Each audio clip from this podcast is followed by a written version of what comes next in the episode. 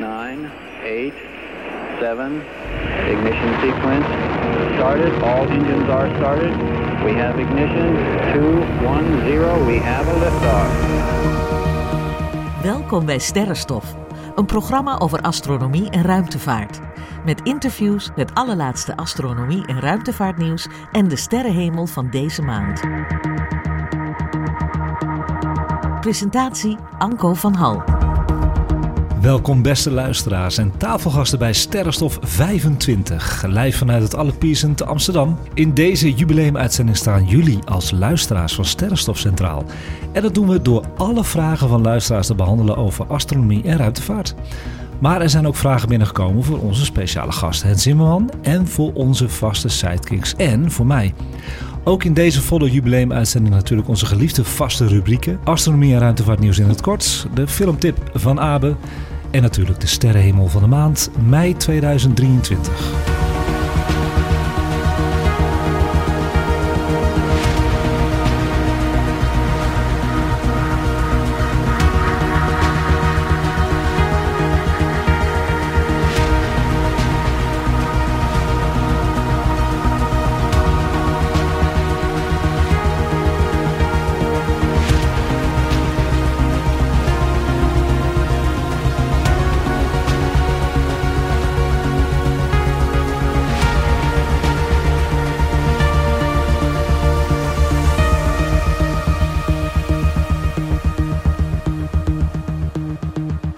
Daar zijn we dan. Met voor het eh, eerst het gehele vaste sterrenstofteam bij elkaar aan tafel. Hoe voelt dat, jongens? Heerlijk. Ja, het is een unicum. Unicum. Zo voelt dat. Gezellig. Gezellig. Het is eh, helemaal een beetje warm in de studio door al die mensen hier.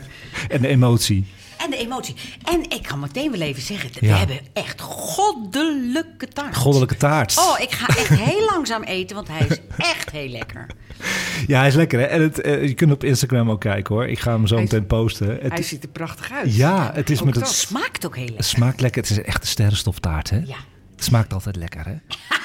Hey, en ook aan tafel inmiddels sterrenstofvriend eh, en de grote astronomie podcastmaker van Nederland, Hens Simman. Welkom Hens, kom bij de microfoon. Een goedendag. Goeiedag. Jij deelt de microfoon met Anneminke. Jazeker. Ook eh, als publiek altijd, traditioneel, hebben we Jeroen. Dag Jeroen. Hallo. Hoe vind je de taart, Jeroen? Taart is fantastisch. Gelukkig. Ik zit alweer eh, te, te wachten op de volgende jubileum. Dat is de 50ste uitzending. Ja, dan gaan we weer twee jaar wachten. En natuurlijk techniek van mijn lieve collega Erik. Dag Erik, jongen. Dankjewel dat je er weer bij bent. We zitten in het Allard Pierson Museum. Dus vandaag een hele speciale en extra lange sterrenstof voor iedereen. Waar dus alle vragen van luisteraars worden beantwoord. Dwars door onze vaste rubrieken heen. Soms anonieme vragen, soms alleen met naam. Maar veelal ook, en dat vinden we bijzonder aardig, audio ingesproken. Ja, Anko die belde mij deze week een beetje, nou niet in paniek, maar wel Nee, met geen paniek. Absoluut geen paniek, maar wel met... Wow, dit... eh, heel veel mensen hebben gereageerd, Ja. wat natuurlijk onwijs leuk is. Ja, ik ben heel dankbaar. Dankjewel, dankjewel. Hoe is het met Hens Zimmerman? Kom maar bij de microfoon, Hens. Ja, goed. Ja. De vorige keer dat ik hier zat, had ik nog een andere podcast volgens mij, toch? Je had eh, Zimmerman eh, in Space, had ja, je en toen. het heet nu Zimmerman en Space. Dan weten we het allemaal, Zimmerman en Space. Maar je staat nog steeds met de Zimmerman, alle twee de Zimmermans in de... Ja, dat is een beetje een schizofrene situatie. Gaan we maar niet verder over uitweiden. nee. Maar het gaat goed, hè? Jawel, ja hoor. Ja, goed zo, heel mooi. Er is een vraag voor ons gekomen. Eh, Bijvoorbeeld een vraag die een paar keer is voorbijgekomen de afgelopen maanden. Er komen elk jaar wel een paar nieuwe Nederlandse astronomie-podcasts bij. Ja. Wat vinden jullie daarvan? En is er überhaupt sprake in podcastland van concurrentie? Goeie vraag. Ja, Nou, ik zie niks als concurrentie. Nee, ik ook alleen maar niet. gezellig. Kijk, het leuke van podcasts is, ja, je subscribt je en als je er niks aan vindt, dan ja. Dus die die iets brengen wat luisteraars mooi vinden, die zullen blijven. Prima. Ja, ik ook, ik ook. Nou, bij deze nodig ik ook alle podcastmakers uit om een keer aan te schuiven bij Sterrenstof. Lijkt me een leuk idee. Ja. Laten we elkaar allemaal steunen en eh, gewoon mensen eh, meer verwondering eh, naar boven te laten kijken. Ja. Ja, toch? Dan eh, komen we even terug op vorige uitzending. De prijsvraag boekjes. Dat was ook een eh, hele leuke. We gingen voor het eerst gingen wij eh, via Mirjam van Nacht van het Wat... gingen wij boekjes weggeven. Nou, dat, dat hebben we geweten. Alle anekdotes en verhalen over wat het mooiste was... wat jij ooit aan de sterrenhemel hebt ervaren... waren zo bijzonder trouwens dat daar moeilijk uit te kiezen was. Ik heb er een heel veel uitgeprint. Dus dat gaan we op een speciale manier doen zometeen. Dat doen we aan het eind van de uitzending. Gaan we daaruit eh, leuk eh, een, twee mooie inzendingen verloten. Dus dat gaan we zo meteen doen als cliffhanger. Oh, leuk. En, Ja. en ga, je, ga je ook wat van die dingen dan voorlezen? Ja, En dat, die uitgekozen worden door ons. Ja. Dat doen we op een eerlijke manier. Maken ook een filmpje van. Lekker notarisgevoelig is dat. Eh, die gaan we voorlezen. Oh, wat Ja, leuk. lekker volle Ik uitzending. ben heel erg benieuwd naar wat men heeft ingestuurd. Ja, een hele leuke ervaring. Ze waren eigenlijk allemaal even leuk. Vandaar dat ik niet kan kiezen op die manier. Dus we moeten dat op een andere manier doen. Dat gaan we zo meteen doen. En voordat we beginnen met de rest van de uitzending... natuurlijk eerst, en dat ga ik altijd doen hoor... bij elke uitzending, jubileum of niet... onze vaste maandelijkse rondje. Wat hebben jullie aan de hemel gezien van de afgelopen maand april? Het is natuurlijk een vroege uitzending. Het is 21 april. Er komen nog wat evenementen aan, maar tot nu toe. Nou, eh, wat mij opviel was dat er heel veel hele heldere nachten waren. Mhm. Waardoor je heel veel heldere sterren aan de hemel zag. Ja, En een prachtig sikkeltje af en toe. En een, ehm, eh, ja, echt eh, schitterende sterren die eruit knalden. ja het is een mooie sterrenhemel. En, en Venus staat Ja. bijvoorbeeld ook tussen allemaal heldere sterren in op dit Ja, moment. als een soort Ja. leidster. Ja. Nou haal je me de woorden uit zijn mond. Want Oké. daar wilde ik het dus over hebben. Nou, kom maar ik op. vond Venus heel erg mooi Ja. deze maand. Venus is echt eh, prachtig en die wordt nog steeds mooier. Hè? Daar gaan we het zo meteen over hebben bij de sterrenhemel van de maand eh, mei. Maar die valt heel erg op. En Hens, kijk jij nog een beetje naar boven? Of zit je alleen maar in je Nee, ik kijk heel audiobewerking? Ik, ik doe heel vaak s'avonds later afwas, rond middernacht. En dan Oh ja. moet er ook altijd troep naar de vuilnisbak. En dan kijk ik naar boven. En op dit moment is de grote beer heel mooi zichtbaar. En ik word toch altijd wel heel blij van dat stilpannetje. Ja, die zie je heel goed. pal boven je hoofd. Staat heel hoog nu, hè? Ja, In het zenit bijna. ja. Ja, Dus dat, eh, dat... mensen opletten op de grote beer. ja. dat is jouw favoriete sterrenbeeld dan ook? De grote beer. Nou, ja, favoriet. Ik weet het niet. Orion. Orion, Ik word ook ja. altijd wel blij als ik de W van Cassiopeia weer Cassiopeia, zie. is een mooie W. Ja, Ja, moet en- eigenlijk in de uitzending doen of alleen maar over sterrenbeelden. Ja. Heb ik nog niet gedaan. Goeie tip. Nee. En Abe. Abe zit eh, de heerlijke sterrenstoftaart te eten. En daar ben ik heel blij om, want hij valt goed. Dus zal ik even wachten. Dan komt hij. Het is een extreem lekkere taart. Ja, hij is goed gelukt, ja. Ik ga maar geen namen noemen waar ik het heb gekocht. Nou ja, ik heb natuurlijk naar Venus gekeken. Ja, Ik denk zoals de meesten. ja. Dat is heel erg leuk. En waar ik eigenlijk nog heel erg naar uitkijk... en dat heb ik hier in mijn agenda staan... want het is nu 21, maar eh, we krijgen morgen en overmorgen... een hele mooie maansikkel te zien. Maar zeker weten, met een mooie Ja. samenstand. Met En- Venus. met Venus. Heel goed van jou. En daar gaan we het dan misschien nog wel de volgende uitzending over hebben. Want het is een vroege opname. Ja. 21 april nemen we Ja. dit op. Ehm, maar ook de lyriden komen eraan. Oh ja. En er zijn al de eerste vuurbollen zijn gespot van de lyriden. Oeh. Dus dat kan ik al vertellen. Ik heb het zelf nog niet gezien. De is een sterrenregen. Nou, 15 tot 20 meteoren per uur kun je zien. Maar lyriden staan bekend om vuurbollen. En die zijn al een paar keer gespot. Dus daar gaan we nog eh, naartoe. Niet door jou dus, hè? Nee, maar het maximum moet nog komen. Ja, Ja, ja. In Kiev, toch? heb je die ook eh, voorbij zien Ik komen? zag het filmpje en dat Ja. lijkt toch wel gewoon een eh, meteoor. Ja, dat is een meteor. Ja. Ja, heel mooi, heel mooi. En wat ik per toeval ik zelf heb gezien, iets leuks nabij Mars op 14 april. En ik zag Mars als een mooie oranje-gele ster vanaf een balkon. Maar er stond heel dicht bij Mars een mini-sterretje. Ik denk, nou, ligt dat naar mijn ogen? Want ik heb een leesbril. Ik denk, nou, misschien dat mijn ogen veel slechter worden, dat ik alles dubbel zie. En het moet zo opgevallen zijn, ook voor andere mensen. Dus ik ben de sterrengids ingedoken van Zenit. En inderdaad, op 14 april stond de ster Epsilon met een magnitude van plus 3. Dus met blote oog zichtbaar van tweelingen in conjunctie met Mars. Het was heel leuk. Het leek net of het een maandje was van Mars. Zo dichtbij stond hij bij Mars. En daar stond in de sterrengids bij, en dat viel mij dus op, dat het te zien was met een telescoop. Maar dat is niet waar. Het was ook met het blote oog te zien. Dat viel me heel erg op. Heb ik nog nooit gezien zo dichtbij. Leuk. Ja, Bijzonder. Zeker. Dan hebben wij ook in uitzending 24 een poll beloofd. En die is inderdaad afgelopen week op Instastory gekomen. En dat is de poll over de Starlink-satelliet. En dat resultaat wil ik wel even delen. Dat is wel heel erg leuk. Een luisteraar vroeg bijvoorbeeld over de noodzaak van de hoeveelheid Starlink-satellieten in de ruimte. En toen heb ik eh, de poll genoemd. Welke mening heb jij over de Starlink-satellieten van SpaceX? Dan kon je drie dingen kiezen. Ik ben voor wereldwijd breedband internet. Twee, het stoort astronomisch onderzoek. Drie, er zijn betere alternatieven. Nou, ik ga even de poll erbij halen. Ik heb een screencap gemaakt. Die is gisteren afgelopen, dus de resultaten zijn binnen. Er Spannend. is best wel enthousiast gere- gereageerd. Ja, want eh, ik heb jou ook nog geappt hè, hoe goed het ging. Ja, Heel veel mensen, dus over de 100 mensen hebben gestemd. 24% ik ben voor wereldwijd breedband internet. 29% er zijn betere alternatieven.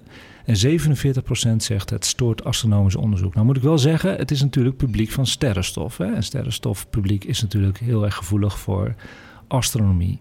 Het viel me overigens wel op dat er nog veel gestemd werd voor... ik ben voor wereldwijd breedband internet. En het viel me ook op dat mensen ook toch best wel veel stemden op... er zijn betere alternatieven. En daar wil ik even op terugkomen. Afgelopen week kreeg ik uh, van de correspondent uitgeverij... een heel mooi boekje opgestuurd van Marjolein Heemstra... En dat boekje is een filosofisch boekje over wat de ruimte waard is. De titel is Wat is ruimte waard? Op de radio, een heel interview. Ja. Het was een heel interessant verhaal. Een heel interessant verhaal wat zij uh, hield. Om uh, ja, ook alle vervuiling tegen te gaan. En Zo. die er nu al is. Precies. En dat slaat heel mooi aan op die poll ook. Ik heb wel eens Marjolein eerder geïnterviewd bij Sterrenstof Extra... met uh, het boek In lichtjaren heeft niemand haast. Dus ik ken Marjolein een beetje. Een lieve vrouw, maar ook filosofisch ingestelde vrouw. Hens, jij kent haar ook, hè? Ja, ik geloof dat we zelfs familie zijn. Oh, je bent familie van Marjolein? ja. Wauw. Ja, en de correspondent heeft dus uh, tegen mij gezegd... ik wil wel een paar boekjes naar je toesturen. Die kun je weggeven aan de luisteraar. Leek me nou leuk, omdat die prijsvragen gaan heel goed hè, bij Sterrenstof blijkbaar. Dus die boekjes wil ik weggeven. Dat is het boekje. Ja, ik vind het wel een super interessant boekje. En ja. kan, kunnen we dit ook, als, als je dan, dan helaas niet wint...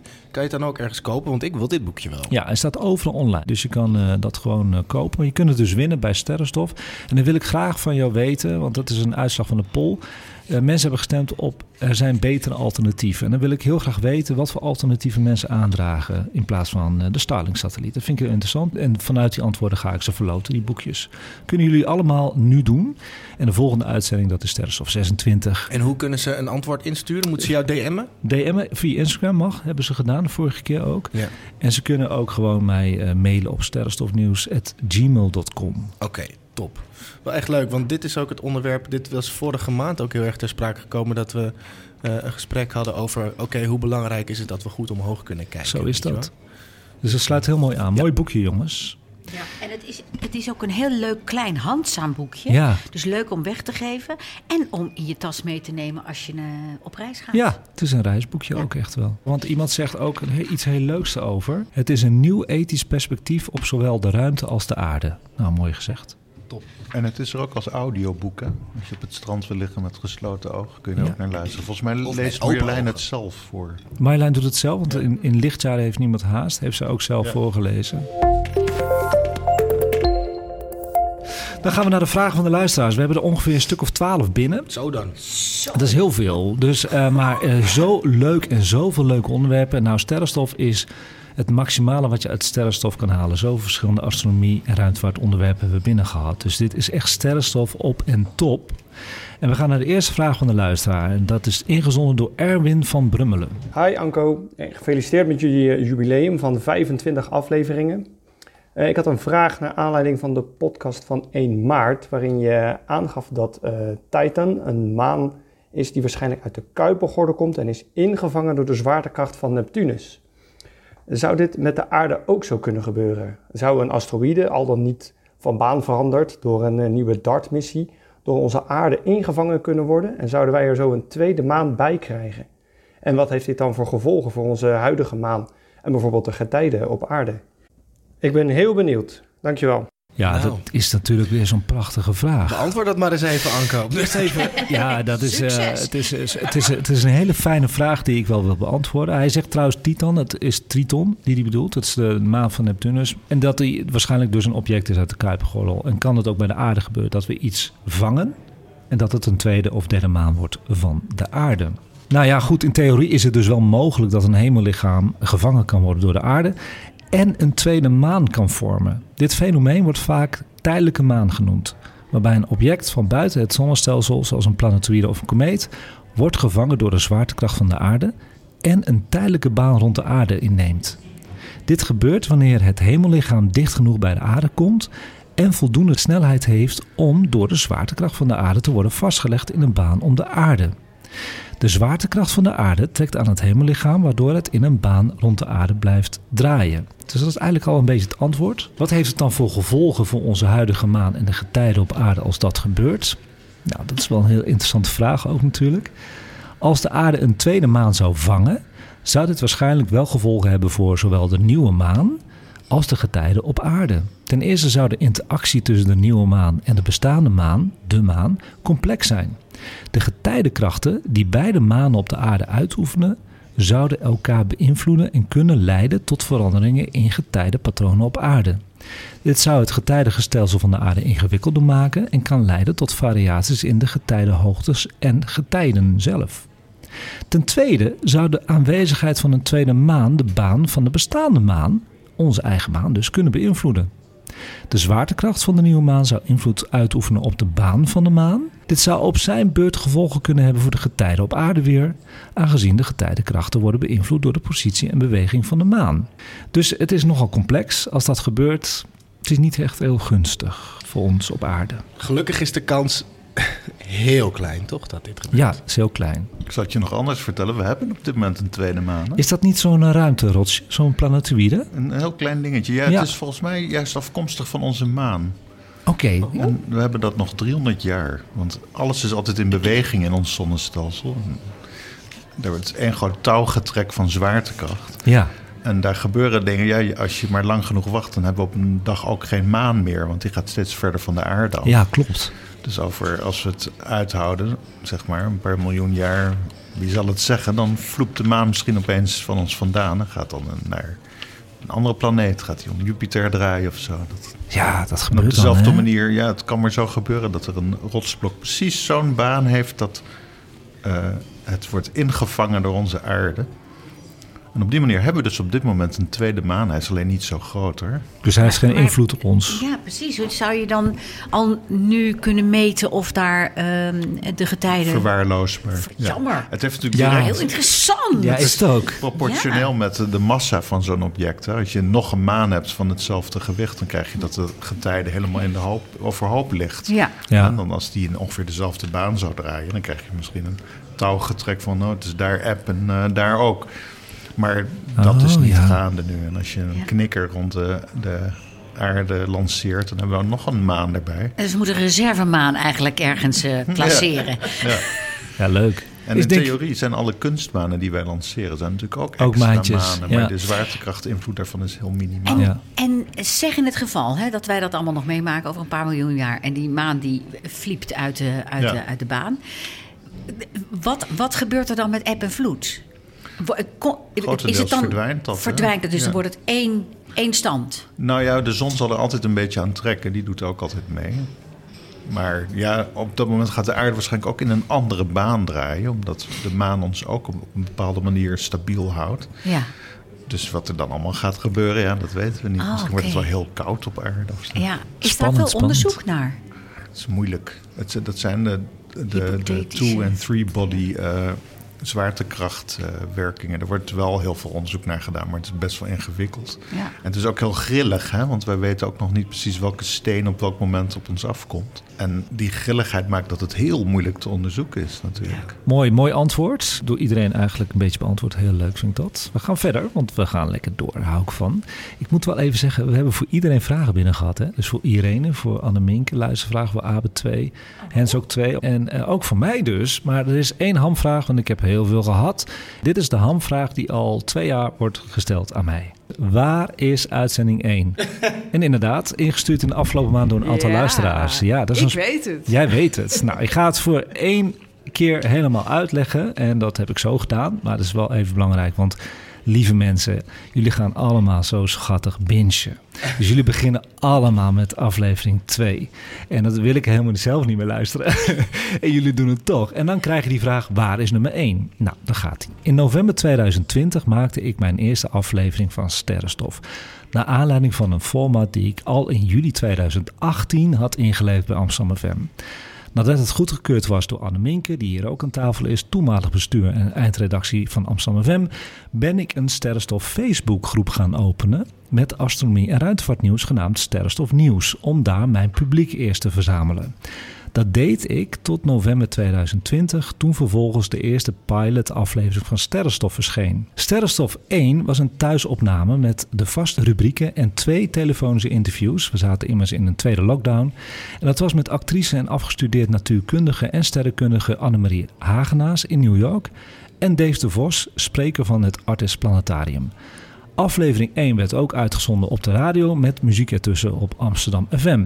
Hoewel ik zelf heel erg trots was dus op deze aflevering, was het niet precies wat ik wilde en was het niet sprankelend genoeg. Ik laste een pauze in van een halfjaartje, dat ging ook makkelijk in verband met de lockdown, en maakte in mei met steun van Irene, Anneminke, Abe, Birgit en Maria Sterrenstof 2. En dat was het huidige format als wetenschappelijke live talkshow met sidekicks en later hoofdgasten. Er is wel een interview uit aflevering 1 op Spotify gezet als Sterrenstof Extra. En dat is het telefonische lockdown-interview met Dave de Vos. Dave was overigens ook te gast live in Sterrenstof 12. Dat ging over de James Webb Telescoop. En lieve Dave heeft ook wat ingesproken voor ons als felicitatie. Nou, wat leuk. Dag Anko en team. Ontzettend gefeliciteerd met deze 25e aflevering. Wat een geweldige prestatie hebben jullie eh, neergezet met elkaar. En ook heel veel dank voor het, ik noem het maar eventjes, het in de oren brengen van het universum bij al jullie luisteraars. Want wat ik zo mooi vind aan sterrenkunde is dat hoe meer ik te weten kom over het universum om ons heen en alle planeten, exoplaneten, sterren, eh, supernova's en zwarte gaten die daar te vinden zijn, hoe meer ik me ook besef hoe bijzonder die plek is waar wij leven. Die ene blauwe knikker, de aarde, die wij onze thuisplaneet mogen noemen.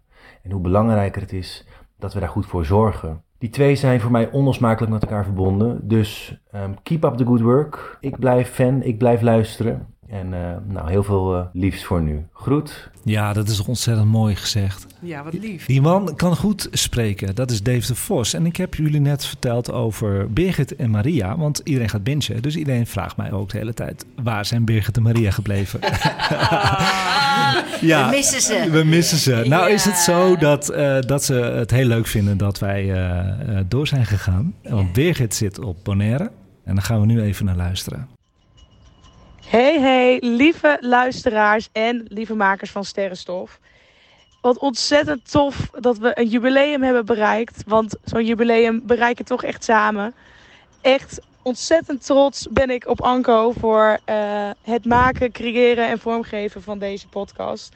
En uiteraard ook natuurlijk trots op iedereen die er elke keer toch maar weer zit, fanatiek deelneemt, vragen opstuurt. Super leuk om zo te horen dat uh, de podcast verder gaat met. Uh, ja, gave dingen maken en uh, creëren. Ik mis het hier nog steeds elke keer. Maar ik ga eerlijk met jullie zijn. Hier op Bonaire kan je de sterren toch wel heel goed zien. Op het strand, aan zee. En uh, die maan, die verveelt mij uiteraard ook nooit. Dat is, uh, blijft mooi en prachtig om te zien. Keep the good work up, guys. Ik denk aan jullie en stay awesome. Dikke, dikke kus, dikke brasa. Chat soon, guys. Bye, bye.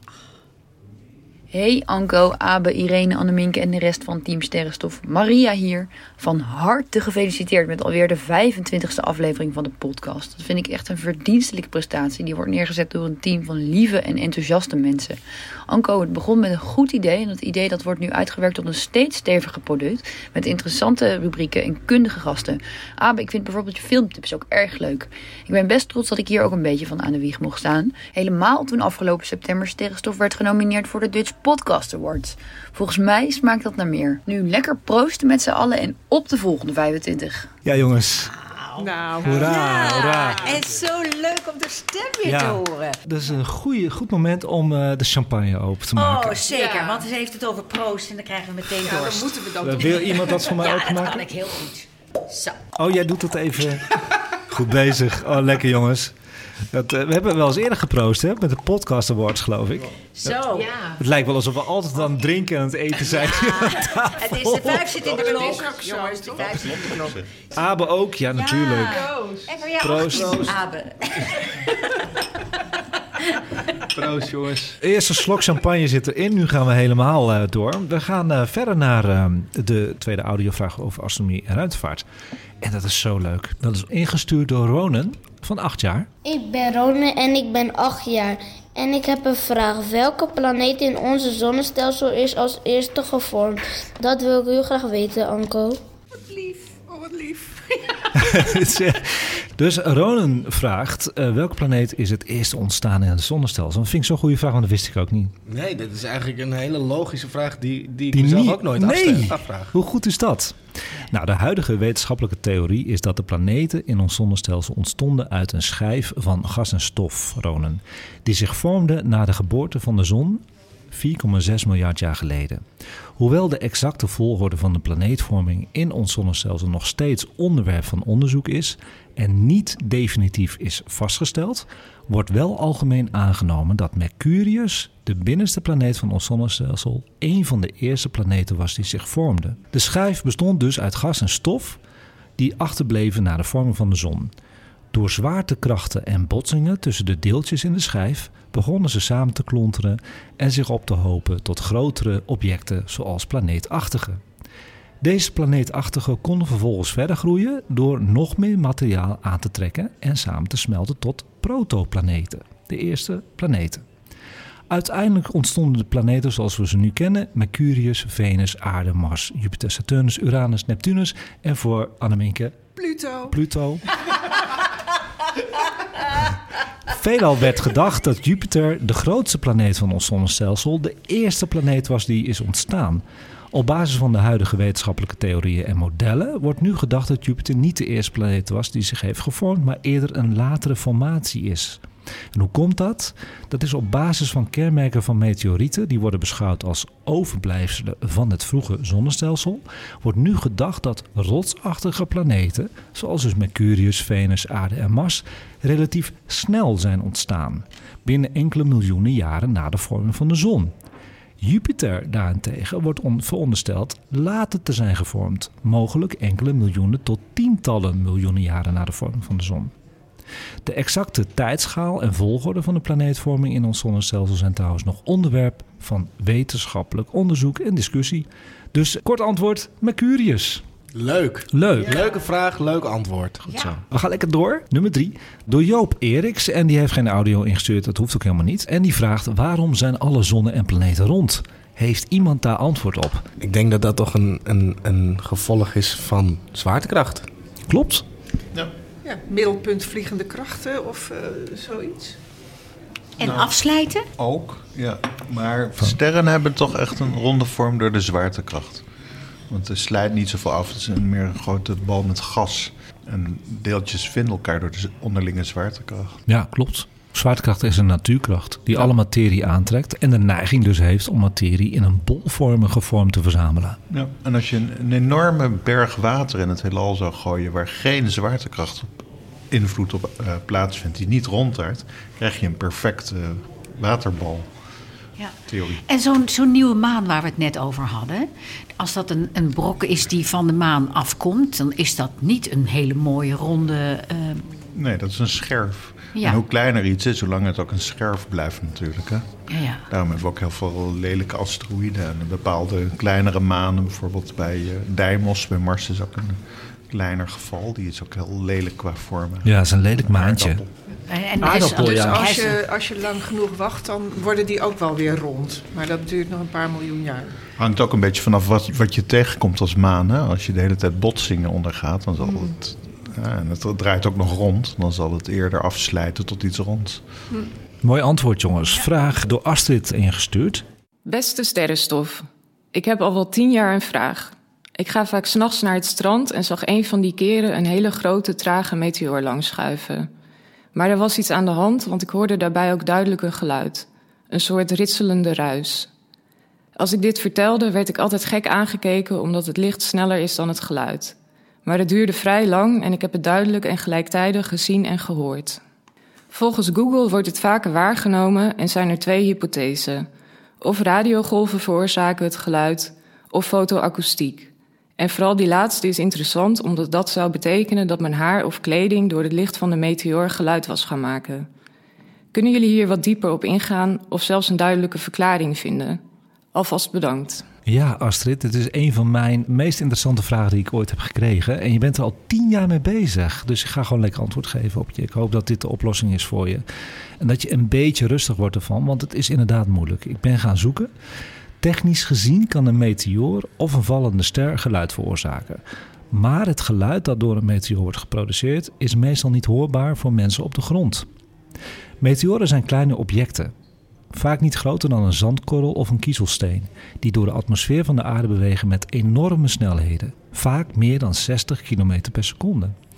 Wanneer een meteoor door de atmosfeer beweegt, wordt het omringende gas in zijn pad verhit en geïoniseerd, wat leidt tot de typische heldere streep van licht die we zien als een meteoor of vallende ster. De hitte en druk die tijdens dit proces worden gegenereerd, kunnen theoretisch geluidsgolven produceren. Dus dat klopt.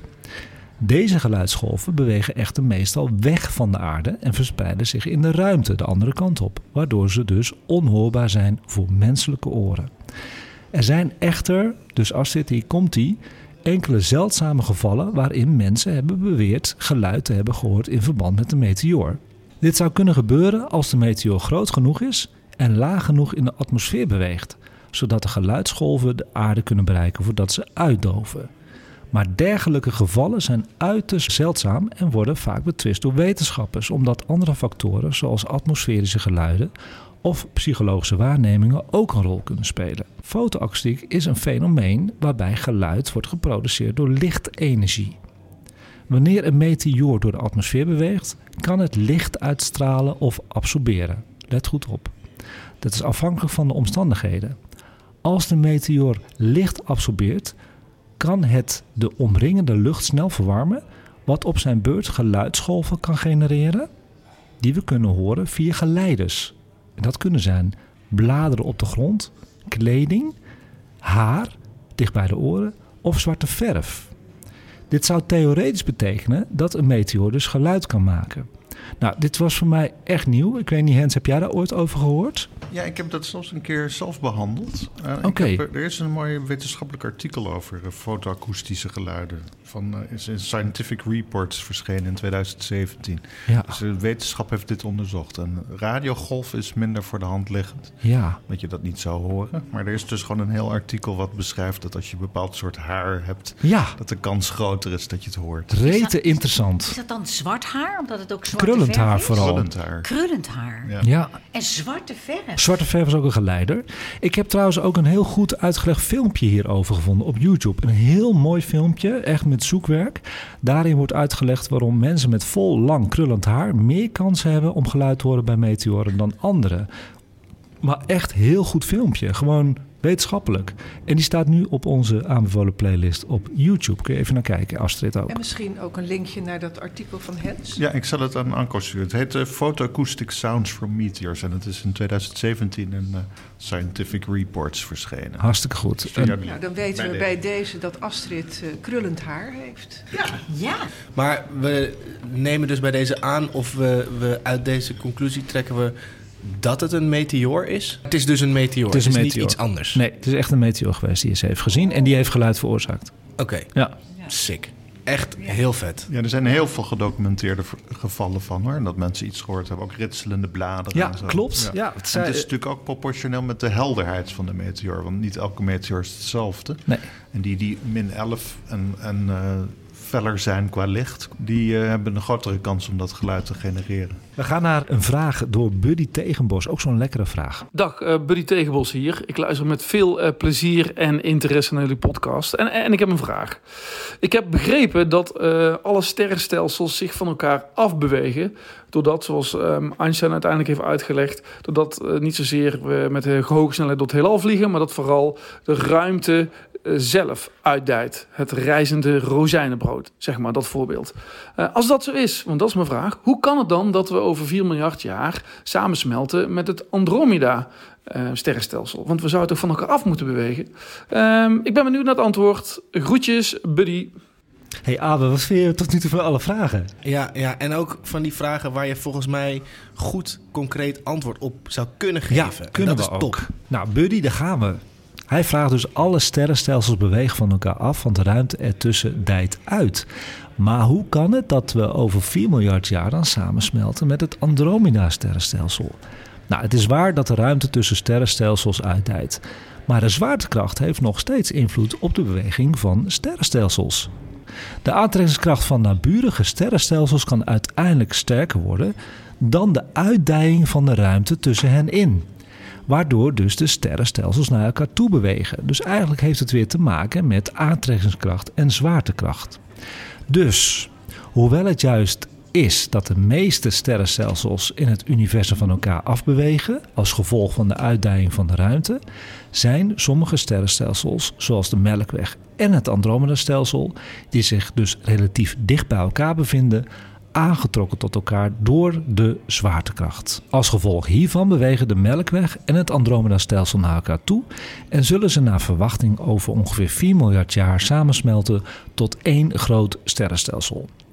Dit proces van galactische botsing en samensmelting is een veel voorkomend verschijnsel trouwens in het universum en speelt een belangrijke rol in de evolutie van sterrenstelsels. Dat is het antwoord voor Buddy. Goed beantwoord? Hartstikke Ja. goed. En hier zich dan een leuk probleem aan, want zowel M31, het eh, Andromeda-stelsel, als onze Melkweg hebben in het centrum een enorm zwart gat. Ja. Dus die komen elkaar ook tegen. Ja, en wat gaat er dan gebeuren? Wat gaat er dan gebeuren? Dat is een tweede vraag, maar die heb ik niet uitgezocht. Waarschijnlijk gaan ze om elkaar heen draaien. Oh ja. Ja, denk je dat ze niet eh, naar elkaar toe gaan? Dat zou kunnen, ja. hangt een beetje af van de orbital mechanics waarmee het elkaar benadert. Maar je ziet vaak dus dat zwarte gaten om elkaar heen gaan draaien. En als het drie dingen samensmelten, dan kan het zijn dat één zwart gat de ruimte ingeschoten wordt. En dat is wat eh, onlangs in het nieuws kwam. Dat één zwart gat dus geëjecteerd werd door een botsing van drie melkwegstelsels. Ja. Dat is echt idioot. Wat, wat, wat, fantastisch weer, ja. Maar is, eh, is een, eh, een sterrenstelsel stabiel als er twee zwarte gaten indraaien? Kan dat? Nee. Oké. Dus in zekere zin is dat een onstabiele situatie. Dus dat gaat op een gegeven moment... eh, mergen, dat ze tegen elkaar Ja, aan- dus wel. Dus ja, oké, ja, dan krijg je een enorme rippel in de ruimtetijd... die wij ook kunnen waarnemen als dat elders in het heelal gebeurt. Maar het kan ook zijn dat het eh, de een de ander leeg slurpt... en groter bleek te zijn. Dus- Maar dit gaat wel over een periode van miljoenen jaren, toch? Waar Ja, we over spreken. zeker, ja, precies. Nou jongens, dat was het eerste gedeelte van de vragen van de luisteraars. Hoe vonden jullie de eerste? Heel erg leuk. Lekker hè, is dat toch wel hè? Ja, echt geweldige Super vragen. interessant. Ja. Ja, en eh, Anko, dan lijkt het me nu tijd voor ander astronomie- en ruimtevaartnieuws in het kort. Ja, dat is ook wel lekker. Dus de vragen door gaan we gewoon doen. En afgelopen week is vanuit Frans Guana de ruimtezonde JUICE vertrokken, die naar Jupiter gaat met een lange reis. En dat is een van mijn favoriete ruimtereizen. De Europese ruimtezonde JUICE is vrijdagmiddag naar Jupiter vertrokken voor een belangrijke missie. De zonde is uitgerust met meetapparatuur van de Technische Universiteit in Delft. Weet jij trouwens, Hens, wat ze hebben meegezonden uit Delft? Eh, nee, niet precies. Ik weet wel dat ze inderdaad bijdrage hebben Ja, hè? Ja. ik heb het ook niet kunnen vinden. Nee. Volgens mij zonnepanelen. Oh, kijk jij wel. Zo, goed bezig hè. Je bent echt zo wetenschappelijk onderlegd, die Heeft ze nog even het, het boodschappenmandje erbij Ja, gedaan. echt hè. Ja. Deze eh, missie zal jaren in het Jupiter-systeem doorbrengen om de gasreus Jupiter, zijn omgeving en zijn intrigerende manen te verkennen. JUICE zal bijzonder aandacht besteden aan drie van Jupiters manen, Ganymedes, Europa en Callisto. Waarom?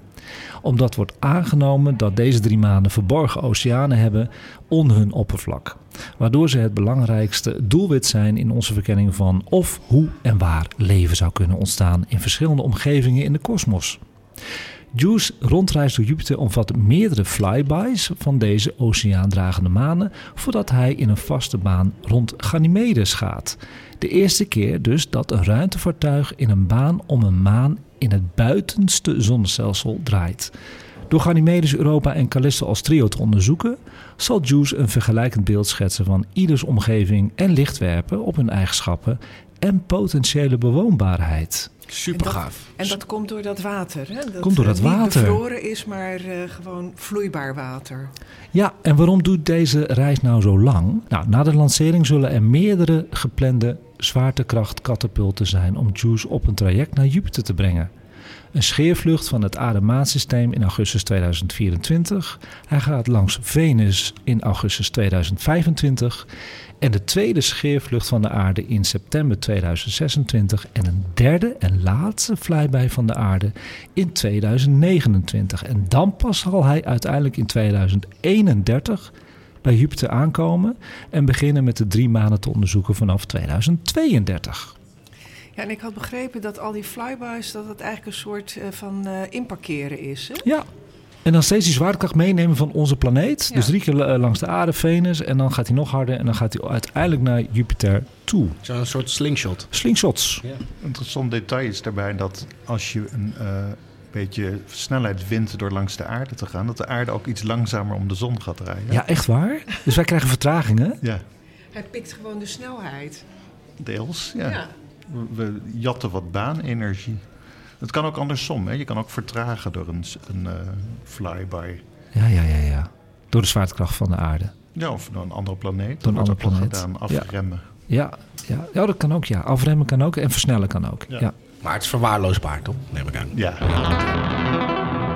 En dan had Annemiek eh, en Irene eigenlijk ook, die had het ook gedeeld op WhatsApp, hetzelfde nieuwtje. En dat was Ja, wie weet eh, wie Cecilia Payne is. Cecilia Payne. Ja. Vertel eens. Nou, iedereen weet dat Darwin de grondlegger is eh, van de evolutietheorie. En bij relativiteitstheorie denken we meteen aan Albert Einstein. Maar wie ontdekte nou dat waterstof en helium de belangrijkste elementen zijn van ons universum? Heb je je dat wel eens afgevraagd? En als je dat aan astronomen vraagt, dan komen ze al heel snel met de naam Henry Norris Russell. Maar die was het niet. Die heeft het wel geclaimd, maar die was het niet. Aha. Haar naam is Cecilia Payne en ze werd geboren in 1900. En dat was in een tijd dat universiteiten nog eh, exclusieve mannenbolwerken waren. Maar zij kreeg toch in 1919, eh, toen ze was 19, een beurs voor de Universiteit van Cambridge. En daar ging zij eh, scheikunde studeren. En tijdens haar studie raakte ze geïnteresseerd in astronomie. En ze ronde de studie af, maar ze kreeg geen academische graad, want dat werd in die tijd nog helemaal niet verleend aan vrouwen. Nou ja. Ja, zo ging dat. Ze was eh, daardoor behoorlijk gefrustreerd. En ze kon in Engeland eigenlijk alleen maar een beetje gaan lesgeven. Nou, daar had ze helemaal geen zin in. En toen eh, startte er in Amerika en op Harvard een eh, promotieprogramma voor in astronomie. Dat was heel uniek. En zij is daar toen op voorspraak van een van haar professoren naartoe gegaan. En zij kreeg die beurs. Zij is daar in 1925 eh, ge- gepromoveerd. En eh, nou ja, toonaangevende astronomen zoals Otto Struve in die tijd noemden haar proefschrift het meest briljante astronomische proefschrift dat ooit geschreven is. Hmm. In haar proefschrift bewees zij dat waterstof het hoofdbestanddeel is van de sterren. Ze had natuurlijk ook een chemische achtergrond en eh, nou ja, dat kwam allemaal bij elkaar. En ook van welk jaar was dat proefschrift? 1925. Ongelooflijk, jongens. Ja, maar dat was wel in tegenspraak met de theorie die er toen in de tijd heerste: dat de aarde en de zon niet heel veel in samenstelling van elkaar zouden verschillen. Ja, ja. En toen eh, zei eh, de astronoom Henry Norris Russell, daar hebben we hem, die ontraadde het haar toen om dat als conclusie op te nemen in haar proefschrift. En dat heeft zij eh, dus eh, eh, een beetje gedownplayed. Van nou ja, dat, dat was mijn conclusie, maar dit, is, hè, het is niet echt bewezen, bla bla bla. En vier jaar later eh, kwam Russell eh, op zijn schreden terug en riep van... eh, ja, die heeft toen een publicatie gedaan waarin hij zei van... eh, ja, waterstof is het belangrijkste element, bla bla bla. Zo, zo En, is dat gegaan. En sindsdien werd hij beschouwd als de ontdekker van dat feit. Slecht. En daarom, dat is wel goed hoor, dat jij dit nu noemt. Want het is natuurlijk op zich oud nieuws, maar dat is het niet. Want zij wordt nu enorm gedeeld op internet, hè, Ja. deze maand. Om haar naar voren te boosten als de ontdekster, toch? Nou ja, ze is in 1979 overleden. Maar ze bleef eh, de rest van haar carrière bleef ze nog verbonden aan Harvard. In het begin was zij gewoon, eh, ze was notabene gepromoveerd, maar was ze de assistent van de, eh, de professor daar. En Ah, daar kwam ze op een gegeven moment, dacht ze van ja, maar hallo, ik word veel minder betaald en kijk eens naar het werk wat ik doe. Toen heeft ze, is ze daartegen in opstand gekomen en toen... in 38 werd zij officieel als astronoom betiteld. En in 1956 werd ze de eerste vrouw die bevorderd werd tot professor aan de Harvard Faculty of Arts and Sciences. En nog weer later werd ze hoofd van de faculteit astronomie. En uh, in haar emeritaat is ze nog steeds doorgegaan met uh, baanbrekende uh, onderzoeken. En zoals bijvoorbeeld al onze kennis over variabele sterren is gebaseerd op haar werk. Dus Applaus. Cecilia Payne, onthoud die naam. Applaus voor Cecilia Payne en voor je nieuwtje. En wij doen als Sterrenstof gewoon heel hip mee met het doorsluizen en delen van dit nieuws van ja, Cecilia ik Payne. dacht dat hadden we eigenlijk op Internationale Vrouwendag moeten doen. Maar Zeker. voor Cecilia Payne is het altijd tijd. Ik vind het heel goed. Precies. En het is nooit te laat om meneer Russell van zijn troon te stoten. Exact. Zo is dat. Welkom bij Sterrenstof, een programma over astronomie en ruimtevaart. Met interviews, het allerlaatste astronomie en ruimtevaartnieuws en de sterrenhemel van deze maand. Presentatie Anko van Hal. Oké jongens, we gaan naar de vraag van de luisteraar nummer 6. De vraag van de luisteraar door Pamela en Luc. Hey Anko en andere gasten aan tafel. Ik en mijn vriend hebben een vraag naar aanleiding van de film Interstellar die we hebben gekeken. We weten dat in het verhaal zoveel mogelijk rekening is gehouden met de natuurwetten. In de film wordt verteld dat zwaartekracht en tijd met elkaar gepaard gaan. Op een gegeven moment gaat hoofdrolspeler naar een exoplaneet en zijn dochter blijft hier op aarde. Doordat de exoplaneet zo dicht bij een zwart gat is, is de zwaartekracht heel sterk en gaat de tijd daar trager. Aan het einde van de film zien vader en dochter elkaar weer. De dochter is inmiddels bejaard en hij is nog steeds van middelbare leeftijd, net als toen hij vertrok. Hoe kan het dat de tijd langzamer verstrijkt wanneer de zwaartekracht sterker is? Daarnaast veroudert het menselijk lichaam toch ook even snel? Of zit het toch anders, waarbij ook ouderdom in een soort van slow motion gaat vlakbij het zwarte gat? Ik hoop dat jij hier een antwoord op hebt voor mij. Alvast bedankt en succes met de podcast. Groetjes, Pamela. Nou Pamela, ik mag weer voor God spelen. Ik heb geen idee. Dus ik heb het... Uh... dus we zijn weer lekker gaan googlen. We gaan ervoor. En ik heb altijd hulp van Hens. Hè? Dus uh, ik ga het zo opnoemen. En als Hens wil invallen, graag. Het is natuurlijk wel... Hens. Ja, Hens Vondst. Oh, die vindt het ook moeilijk. Maar het is een goede vraag hoor, jongens. Het gaat eigenlijk over ook een beetje de film. Hè? Interstellar is een van mijn meest, mijn meest favoriete films. Hele goede kijktip ja, ook. Er staat een trailer van Interstellar trouwens op uh, onze sterren op YouTube. Ja, volgens de relativiteitstheorie van Einstein vertraagt de tijd in de buurt van een zwart gat. Omdat de zwaartekracht in de buurt van een zwart gat extreem sterk is en de ruimtetijd erg sterk vervormt. Dit betekent dat als een object in de buurt van een zwart gat komt, de tijd voor dat object langzamer gaat dan voor een object dat zich verder weg bevindt van het zwarte gat. Dit effect wordt gravitationele tijddilatatie genoemd. En het kan zeer dramatisch zijn in de buurt van een zwart gat dus. Een van de meest extreme voorbeelden van gravitationele tijddilatatie in de buurt van een zwart gat is de waarneming dat de tijd stil lijkt te staan op de waarnemingshorizon van het zwarte gat. Dit komt doordat de zwaartekracht op de waarnemingshorizon horizon zo sterk is dat de tijd in feite stil lijkt te staan voor een waarnemer op die locatie. Kortom, de aanwezigheid van een zwart gat veroorzaakt een sterk gravitationele tijddilatatie die de tijd in de buurt van het zwarte gat vertraagt. Dat betekent dus ook, dat vraagt zij ook, dat een lichaam dicht bij een zwart gat vanuit het perspectief van een externe waarnemer langzamer zou lijken te verouderen dan een lichaam dat zich verder weg bevindt. Dit effect is echter alleen merkbaar trouwens bij zwarte gaten met extreme zwaartekrachten. Zoals die in de directe nabijheid van een supermassief zwart gat, zoals de middelste van een melkwegstelsel bijvoorbeeld. Die is heel extreem, ja, hè? Dit effect is ook meetbaar bij onze aarde.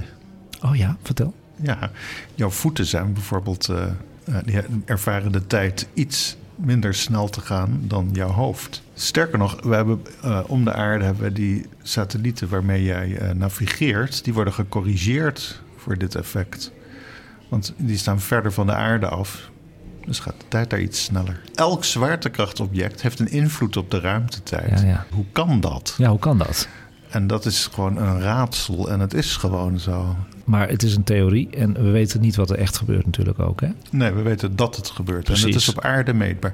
Het Ja. is zelfs meetbaar als je onder een elektronenmicroscoop een stapeltje atomen neemt. Kunnen Ja. ze zien dat de tijd in het onderste atoompje anders verloopt dan die één hoger. Kijk, die is leuk. Die hou ik Ja, erin. Ja, die is mooi, hè? Leuk. Mag ik nog iets zeggen over Ja. je voeten? Dit zijn heel weinig voeten die net zo gerimpeld zijn als de kop die erop zit. Dus vandaar dat Oh. die voeten hebben veel minder rimpels. En die koppen die erop zitten, die Ja. hebben rimpels. Dus Nou, het verklaart heel veel. Het verklaart heel veel. En nu jij toch zo lekker aan het woord bent, Irene. Oh, hebben we ook gelijk een, eh, een vraag voor jou binnengekregen van een, eh, ja, van een luisteraar. Van Denise. Een hele goede dag, Anko en het Sterrenstofteam. Gefeliciteerd met de 25e podcast. Vind het altijd zo fijn om naar jullie te luisteren en heel erg bedankt voor alle mooie en vooral interessante verhalen. Vergeet ik mezelf bijna voor te stellen. Ik ben Denise, een trouwe luisteraar en tevens ook al bijna 10 jaar een trouwe fan van Irene. Daarom wil ik haar de volgende vraag stellen.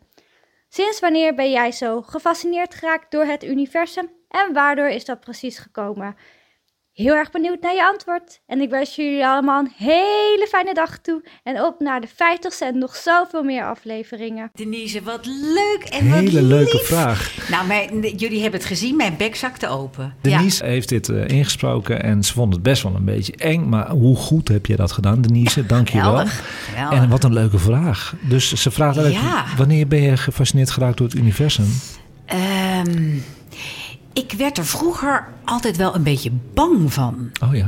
Ja, ik, de- toen ik voor het eerst hoorde over die eh, zwarte gaten, dacht ik: oh my god, dat je opeens spaghetti wordt. Ja. Vond ik een heel eng idee.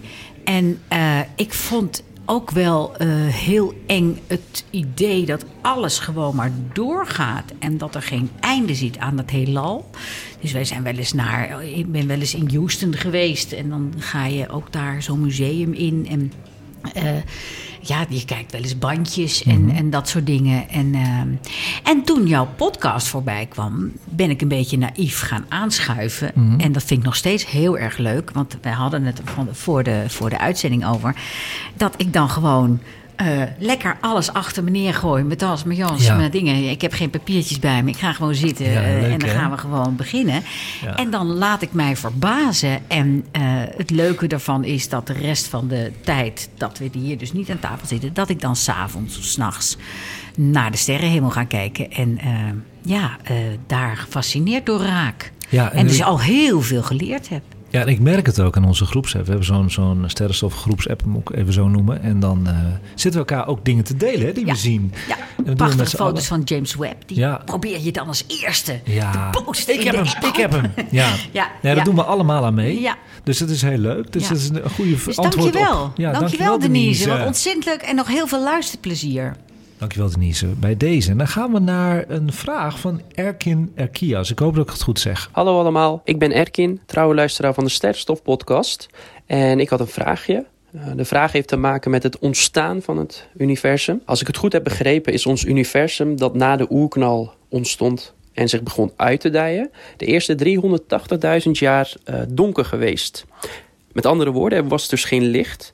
En mijn vraag was, hoe kunnen we ons die eerste 380.000 jaar dan precies voorstellen? Wat bestond er zoal? Eh, welke processen deden zich voor? En wat, wat speelde er zich af? En wat gebeurde er dan vanaf het moment dat er wel licht was? Hoe ontstond dat licht? Volgens mij had dat iets te maken met knappende atomen en het ontstaan van fotonen.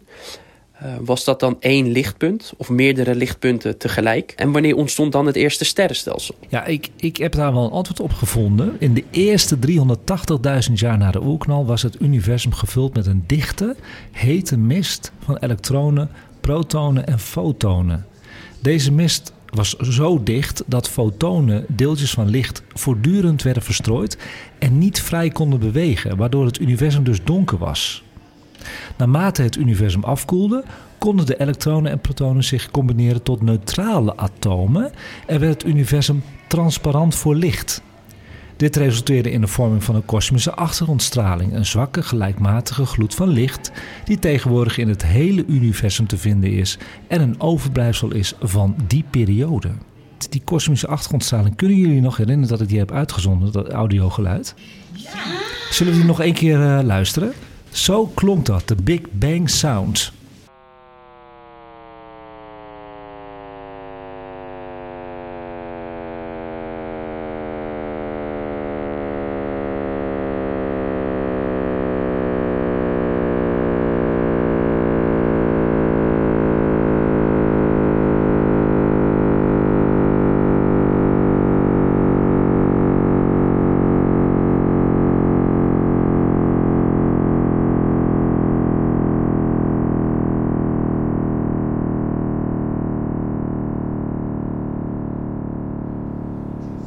Wat ik nou zo mooi vind? Hè? Dan kun je naar luisteren en denk je, ja, oké, dat is het. Maar even goed nagaan dat het dus gewoon kosmische achtergrondstraling is in audio. Dat is zo ongelooflijk. Het is een overblijfsel van de oerknal. Het is niet voor te stellen. Het licht ontstond nadat het universum was afgekoeld en neutrale atomen hadden gevormd. In het heelal vind je allemaal gas- en stofwolken en daar Ja. worden sterren uitgevormd. En die bestaan ook hoofdzakelijk uit waterstof. Dat, en een waterstofatoom is één proton met één elektron omheen Ja, ja, ja. en een aantal neutronen. En dat zijn de deeltjes die samengeklonterd de kernfusie starten van een ster. Deze sterren begonnen dus licht uit te stralen door middel van nucleaire reacties in hun kern, waardoor het universum werd verlicht. Dat is het antwoord op jouw vraag. Dan gaan we, dat is ook weer heel leuk, een audiovraag voor Anne Minke. Hoi, met Alexandra. Ik heb een vraag voor Anne Minke. Ik was nieuwsgierig. Als je in de lucht werkt als stewardess of als piloot, en misschien heb je wel verhalen daarover gehoord, hoe vaak het dan voorkomt dat je iets tegenkomt in de lucht wat je niet kan verklaren. En misschien heb je dat zelf wel een keer meegemaakt. Er zijn natuurlijk heel veel dingen die je tegenkomt die je wel kan verklaren. Maar ik kan me ook zo voorstellen, als je zo vaak in de lucht bent geweest, dat je soms gewoon iets heel raars tegenkomt. Nou, daar ben ik nieuwsgierig naar. En ook hoe vaak dat gebeurt. Zo, ik ben heel benieuwd. Ik heb eh, zelf eigenlijk nooit iets gezien wat niet te verklaren is. Oké. Eh, wat het werk eh, eh, extra aantrekkelijk maakt, is dat je eh, in de lucht vaak eh, zonder eh, lichtvervuiling echt heel veel kunt zien. En ik heb inderdaad eh, sterrenregens, eh, nou ja, van alles heb ik gezien. Noorderlicht eh, heel vaak. Nou ja, dat, dat blijft fascineren. Dus eh, ja, dat, ik, ik heb heel veel dingen gezien, maar dat is allemaal te verklaren. Ik Ja. weet wel dat mevrouw Bierens de Haan, eh, daar hebben wij een hele podcastreeks eh, bij Amsterdam FM aangeweid. Eh, dat heeft Luc Drosten gemaakt. Dat moet je maar eens opzoeken. Mooie reeks. Ja, dat is een mooie reeks en dat gaat ook over haar als stewardess. En ik ben toen een keer met Luc bij haar thuis geweest. Een hele bijzondere dame. Ze is inmiddels nou tegen de negentig, denk ik. Maar die... had eh, wel eh, allerlei dingen gezien. Met eh, piloten de- erbij, hè? ja, met piloten erbij. En dat werd allemaal. ja, ik weet niet meer precies wat het was. Maar volgens mij zag ze allemaal vliegende schotels vanuit het raam ergens in New York. waren ze net geland. En toen bleek dus dat iedereen dat gezien had, in- inclusief de station manager. Mhm. En nou ja, zij is heel erg van er is meer tussen hemel en aarde. Ja, dus ja. zij is daar helemaal. Nou ja, dat was voor haar ook echt wel het bewijs. Maar hoe lang heb jij gevlogen? Ik heb 40 jaar gevlogen. Dus je hebt in die 40 jaar wel een mooie verschijnsel gezien die bij sterrenstof hoort. Dus het Noorderlicht en zo heb je via het Ja. vliegtuig gezien. Ik heb ook de lancering van een raket gezien eh, in eh, Florida. Zo. We gingen toen net weg en toen was daar een eh, lancering. Zo mooi. En ik stond op de trap en ik ben even om het hoekje gekropen. En toen kon ik precies zien dat daar eh, iets de lucht in schoot. Het- Jezus. Ontzettend leuke dingen natuurlijk. Ja, dat wil ik heel graag zien. En in Galveston eh, ben ik in het eh, NASA-museum geweest. Ja. ja, echt superleuk allemaal. Maar ik heb nooit echt hele rare dingen gezien. Ik, ik denk wel trouwens dat als je vliegende schoteltjes ziet, dat dat gewoon turbulentie is. Hè? Want Oh, dan ja? gaat het bestek van KLM en en weer rammen. Dat, dat moeten we wel even, even en het melden. servies bedoel je, qua echte schotels. Ja, vliegende schoteltjes heb ik vaak gezien, maar dan in het vliegtuig. Nou, wat, ik, wat ik wel heb gezien, eh, eh, een keer hadden we blikseminslag, zo'n bolbliksem, die dan Oeh, gewoon echt dat is een door het natuurverschijnsel. eh, gangpad komt. En, dat Door het gangpad van vliegtuig? Ja, ja, ja, dat is gewoon echt één bal eh, eh, energie. Die eh, door zo'n blikseminslag komt en die Zo. ook opeens weer verdwijnt. Die zoekt gewoon de vrije ruimte en dan. eh, ja, dat, eh, maar ja, dat is ook weer te verklaren natuurlijk. Ja, zeker. Oké, Nee. goeie, goed Nee. antwoord op een goede vraag van Alexandra. Ja, superleuke Leuk. vraag. Ja, en we hebben de volgende vraag door Malou Heppenstrijd. En die is voor Hans Zimmerman. Ik vroeg me af, wat gebeurt er als je per ongeluk in een zwart gat terechtkomt of met je ruimteschip? Word je dan uitgerekt eerst of geplet tot een klein dolsteentje? En ze vraagt er nog bij, en dat is dan op de e-mail gekomen. Waar blijft de materie dan? Ja, dat is een hele goede vraag. Het hangt een beetje ook van het formaat van het zwarte gat af. Want we hebben eh sterrenachtige zwarte gaten die aan het einde van het leven van een ster ontstaan. Die zijn relatief klein. Ja. Als je daarbij in de buurt komt, dan word je dus al snel gespaghettificeerd. Dat Oh, zo heet dat, hè? Ja, dus je vliegt daarop af en de, het verschil in zwaartekracht tussen je voeten en je hoofd, of afhankelijk van zeg maar, hoe je daar naartoe valt, wordt al snel zo groot dat je dus uit elkaar getrokken wordt. Oh ja. Maar bij hele grote zwarte gaten, zoals in het centrum van onze Melkweg, die zijn zo gigantisch dat je daar rustig je film uit kan kijken als je daar met je ruimteschip indwarrelt. Door de, Ah. door de Event Horizon gaat. Ja. En Het enige is, je komt er nooit meer uit. En tegen de tijd dat je ergens in het centrum van dat enorme zwarte gat bent, dan zal ook daar spaghettificatie optreden. dus je wordt vooral lang gerekt. En die, in die, die, materie, waar blijft die? Dat weten we niet en daar zullen we ook nooit achter komen. Achterkomen. Nee, want je kan het niet onderzoeken. Want als Nee. je er eenmaal in zit, ook met je ruimteschip, krijg je de informatie er niet meer Nee, uit. dus, maar is er geen theorie over nog? Zeker, er zijn allerlei theorieën over. Noem er eens een hele leuke. Misschien houdt het wel op met materie te zijn. En dan? En dan wordt het iets anders wat we nog niet kennen. Oh ja, spannend. Dus wat zit er aan de achterkant van een zwart gat? Vragen mensen ook wel eens. Eh, daar gaat de ruimte gewoon verder. Je komt dat ding tegen in het heelal. Dus als je daar omheen reist, een grote boog, dan kom je gewoon in de rest van het heelal. Dus je hebt een, een, een uitgang van een zwart gat ook? Nee. Nee, maar ik bedoel, er zit een achterkant, een achterdeur die nooit open gaat. Maar er zit een soort achterdeur. Je hebt een achterkant van een zwart gat. Nee, je moet het je zo voorstellen dat er een punt is in de ruimte. Ja? Dat in alle, richten, alle richtingen de ruimtetijd ernstig verbuigt. Ja? Maar dat kun je waar je ook vandaan het benadert zien als een zwart gat. Het heeft geen Ah, achterkant. Oké, oké. En hoe groot is dan de kans dat je per ongeluk in zo'n zwart gat terechtkomt? Eh, nul. Dat gaan we allemaal nooit meer meemaken. We zijn niet eens verder gekomen dan onze maan. Dus tegen de tijd dat je bij een zwart gat bent. Bovendien, er zijn nog allerlei nare kanten aan. Want een zwart gat heeft vaak ook een magneetveld. En eh, de invloed van dat soort dingen is zo gigantisch op jouw biologie... dat je ruimteschip al uit elkaar geraten wordt... door invloeden waar je helemaal niet blij van wordt. Ja. Ehm, dan heb ik een vraagje en ik weet niet, dit is net, denk ik een hele grote vraag binnen het wetenschap. Ik weet niet of je dat weet, maar ehm, kijk, je hebt het over een zwart gat is een, een, een punt met, nou, men zegt eh, oneindige dichtheid, toch? Eh, nou, dat wordt betwist. Oké. Ja.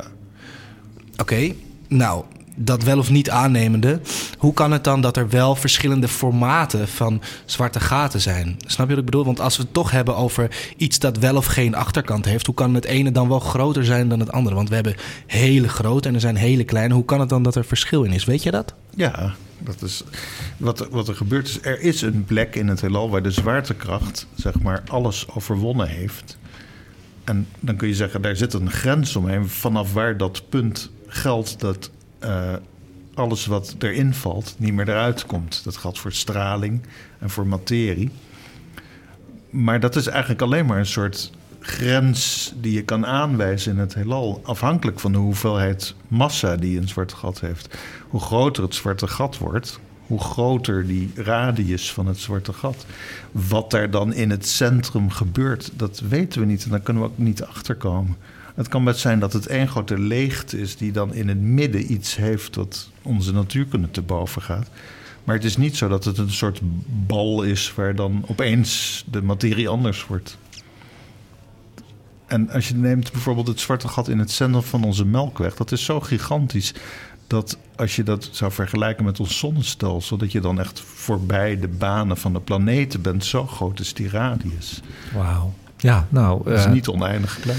Het is, het is weer een eh, mooi antwoord. Ik hoop dat het een eh, bevredigend antwoord is, want dat zijn maar raadselachtige dingen hoor. Ja, ik ik denk dat antwoorden van op zwarte gaten nooit geheel bevredigend zullen zijn, toch? Zo is dat. En we zijn eh, toegekomen bij het Abe-stukje. Want Abe, jij hebt ook vragen binnen gehad, hè? Oh, oh, gaan we vragen doen? Ja, ook eerst en dan je filmtip, oké? Oh, oké. Ja, oh, dat had je niet verwacht. wel spannend. Nou ja, onze enthousiaste vaste luisteraar Harry Verdonk denkt geregeld met onze uitzending mee. En zo ook met jouw rubriek, Abe. Vindt hij heel leuk. Hij heeft ons een paar leuke YouTube-videotips toegestuurd in januari. En één daarvan heb je toevallig ook inmiddels behandeld. Je moet even Oh. zo meteen je inbox in kijken. En die ene die je behandeld hebt was Timelapse of the Future. Ja, Ja, die heb ik volgens mij vorige maand behandeld. Exact, en die had hij al in januari opgestuurd. Oh, dus, wat eh, grappig. Check je inbox. Ik heb hem even doorgestuurd. Harry Wat. Verdonk eh, denkt met jou mee. Leuk, Harry. Dankjewel. Ik ga het eh, checken. En nou ja, eentje is dus al behandeld in de uitzending. Ja, Ik dankjewel. ga er even goed naar kijken. Leuk Superleuk. deze tips. Hè? En een andere vraag is van een vaste luisteraar, Lotte. En die vraagt: Je zit al twee jaar als vaste sidekick bij Sterrenstof, Abe. Is je inzicht in het universum daardoor veranderd? En wat doet deze podcast met jou?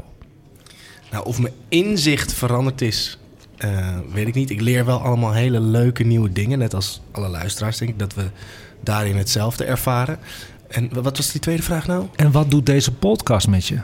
Oh, wat het met mij doet? Nou ja, ik vind het altijd heel bijzonder. En dat is iets waar ik eigenlijk nooit mee bezig ben. Maar dat, we, doen dit nu vanaf het begin. En we begonnen natuurlijk met gewoon omdat het leuk is. En dat is Ja. het nog steeds. Dat doen we nog steeds. Maar dat er inmiddels heel veel mensen luisteren. En eigenlijk besef ik nooit echt dat dus mensen allemaal luisteren. En dat doet het vooral met me. Dat ik me bijna een beetje vereerd voel dat ik in een microfoon mag praten. En dat mensen daar heel graag naar luisteren. Oké, ja. Dat is heel bijzonder. Ja. Dus ik ben heel dankbaar voor alle luisteraars. En daarom vind ik het ook heel leuk om elke maand hier weer aan te schuiven. Oké. Jij, bent, jij eh, vraagt soms wel eens, maar je moet niet weggaan hè, bij Sterrenstof. Nee, dat wil ik ook en niet, nee. Natuurlijk ga ik niet weg, want het is gewoon ontzettend leuk om hier aan te schuiven. Ja. En eh, het is gewoon leuk om iets... Nou ja, we zijn allemaal enthousiast over, eh, over de ruimte en, eh, en het fascineert ons. Ja. En om er gewoon over mee te mogen praten. dat Ja, vind ik onwijs leuk. Leuk. Nou ja, we hebben natuurlijk nog meer. We zijn naar de Dutch Podcast Awards geweest. Met eh Anneminke, Irene en jij. En mijn man. En er was ook een vraag binnengekomen. En die is voor jullie alle drie. We hebben niet gewonnen. Wat vinden jullie daarvan? Zijn jullie teleurgesteld of niet? Nee, ik ben helemaal niet teleurgesteld. Ik vond het een enorme eer. En, Ja. en, en zeker voor jou, eh, Anko, want jij eh, jaagt het allemaal aan en, en jij organiseert het allemaal. Het is jouw idee. Ik vond het gewoon een enorme eer, überhaupt dat we daar zaten. Vond ik en, ook, ja. Ja, en dan moet je opboksen tegen al die kanonnen die daar zitten. Maarten van Rossum. Ja, daar zaten wij in, in die categorie. Wij zaten eenmaal. in die categorie. Ja. Dus het verbaasde me niet dat we niet wonnen. En ik was ook niet teleurgesteld. Ik vond het alleen superleuk om daar te zijn. Ja. Ja, het, het, het is net als met de Olympische Spelen. Meedoen is belangrijker dan winnen. en ja, ja, eh, eh, eh, ik denk ook, wa- wat Annemink ook een beetje aangaf en geeft... is dat jij produceert dit en organiseert dit en bedenkt dit allemaal in je eentje. En Abe doet dan een filmtip of hè, af en toe praten wij ook een beetje mee... Ehm, en heb je hele leuke gasten, maar jij bent de basis van dit en je besteedt daar heel veel tijd aan. En al die andere podcasts, tenminste heel veel van die podcasts, hebben een heel team achter zich Mhm, staan ja. en komen dan ook een stukje verder. Maar goed, eh, dus het feit dat jij eigenlijk met jouw podcast, waar wij een bijdrage aan leveren, daar stond, was al heel bijzonder en superleuk. En wij waren allemaal glommen van trots. Ik vond die nominatie, en die vind ik nog steeds, en we zijn nu meer dan een half jaar verder, nog steeds vet stoer.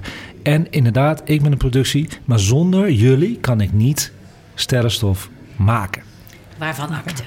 Dat is lief. En dan gaan we nu naar Abes filmtip. En het was altijd de Abes filmtips. Maar we hebben er één. Het is een lange uitzending. dat is Abe heeft uitzending. dit keer één pareltje ontdekt op YouTube. Mocht maar één ding doen, dus dan moet je ook wel een goed filmpje komen. Goed zo. En nou ja, als ik er twee heb, dan probeer ik het af te wisselen met iets educatiefs en iets eh, entertainments, om het maar even zo te zeggen. Maar ja, als ik dan maar eentje mag doen, laten we dan gewoon een dikke, vette, lekkere, le- Zo. lekker, lekker ding naar, ehm, doen. Toch? Ik, je bent verliefd, hè, volgens mij, hè? Ja, ja, hij is Nou ja, verliefd. het is een kanaal. Star dat- Wars.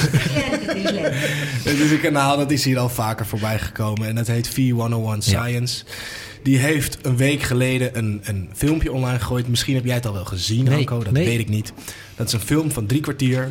Eh, en het heet Exploring the Endless Universe...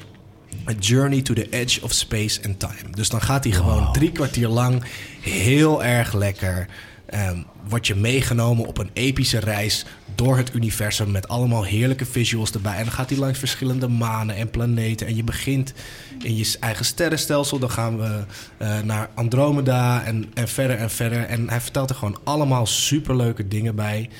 Ehm, ja, laten we maar gewoon heel even eh, een voorproefje krijgen van eh, met het geluidsfragment dat ik heb meegenomen. En dan stuur ik het naar Anko en jij zal het in de lijst zetten. Aanbevolen playlist met een grote YouTube abonnees op dit moment ook. Ja. Gaan we het later over hebben. Ja, gaan we het later over hebben. 13.8 billion years ago, something incredible occurred.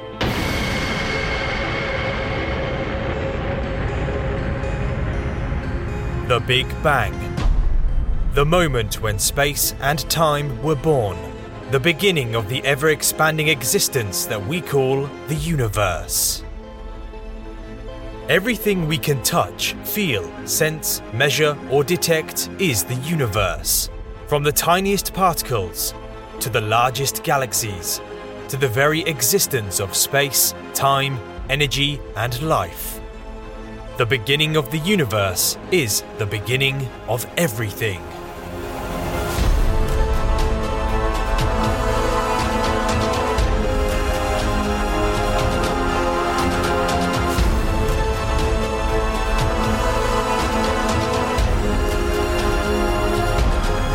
In this incredible supercut, we will explore the universe like never before. We will fly past every magnificent planet in our solar system. We will travel to the closest star to the Sun and visit its mysterious exoplanet. We will traverse the Milky Way galaxy and discover the monster lurking at its center. Then we will make the unimaginable trip to our neighboring galaxy, the beautiful Andromeda. Finally, we will attempt to visit the edge of the observable universe. This is the ultimate space voyage.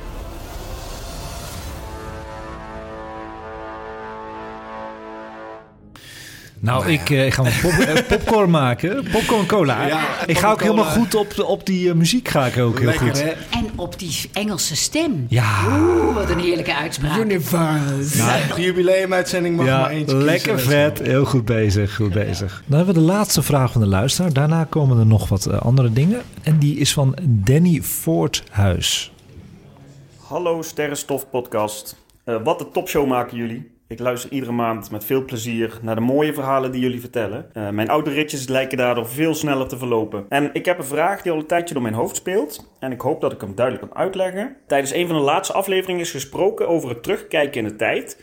Wanneer je naar verre sterrenstelsels kijkt. Eh, stel je kijkt naar een sterrenstelsel op 10.000 lichtjaar. En daarna naar een sterrenstelsel op 5000 lichtjaar. Hoe weet je dan dat je niet naar hetzelfde sterrenstelsel kijkt, maar dan 5000 lichtjaar verder geëvalueerd? Mijn vraag is dan eigenlijk: kun je twee dezelfde objecten zien op verschillende momenten in de ruimtetijd? Omdat je eigenlijk ook door de tijd heen kan kijken. Een voorbeeld om te visualiseren: eh, stel je hebt een film van 1 minuut en je knipt deze op in 60 frames van een seconde en je plaatst deze iedere 10 meter achter elkaar. En frame 1 staat het verste weg en frame 60 het dichtste bij.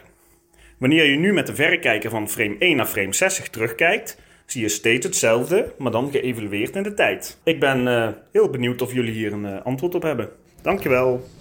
Ja, dat is natuurlijk een ontzettend mooie vraag. Ik heb een paar keer geluisterd en het is ook iets wat ik me altijd afvraag. Ik ga daar nu een antwoord op geven en als jullie zo te willen aanvullen, graag. Volgens de relativiteitstheorie is tijd relatief en kan de waargenomen tijd variëren afhankelijk van de snelheid en zwaartekracht van een waarnemer. Als je bedoelt, Danny, of je een identiek object op twee verschillende momenten in de ruimte kunt zien, dan is dat in principe mogelijk. Licht legt een bepaalde snelheid af, de snelheid van het licht dus. En als een object op een bepaalde afstand van ons staat en licht uitstraalt, zal dat licht tijd nodig hebben dus om ons te bereiken. Lijkt me logisch. Dus als we naar dat object kijken, zien we het object zoals het eruit zag op het moment dat het licht ons bereikte. Als het object in de tussentijd verandert, bijvoorbeeld door te bewegen, van helderheid te veranderen of te transformeren, kunnen we dat pas zien wanneer het bijgewerkte licht ons dus heeft bereikt. Er zijn eh, we- eh, waarnemingen gedaan waarbij te zien is dat één object door buiging door de zwaartekracht Ja. twee keer zichtbaar is. Ja, precies. Of vaker. Waarbij dus de eh, tijd ook anders verstreken is. Dus er zijn daadwerkelijk waarnemingen waarbij je twee tijdsmomenten ziet. Die kan ik voor je opzoeken. Zag je die niet op die, op die James Webb eh, Ja. ook? Ja. Dan zag je die rare bogen toch? Ja, precies. Dat Ja. is dat Einstein-Rosen-effect. Dat is dus een kromming van eh, de ruimtetijd afhankelijk van de zwaartekracht. Dat betekent dus een lichtstraal bereikt ons en die passeert tussen waar die uitgezonden wordt door bijvoorbeeld een ster en ons, passeert die bijvoorbeeld een eh, melkwegstelsel, wat een enorme zwaartekrachtinvloed heeft. Ja, ja. En die straal die kan er op de ene manier langs gaan. En Ja. ook in een verbogen versie, die dus er langer over heeft gedaan. En dus ouder is. Dus je ziet twee verschillende Ja. momenten van hetzelfde object.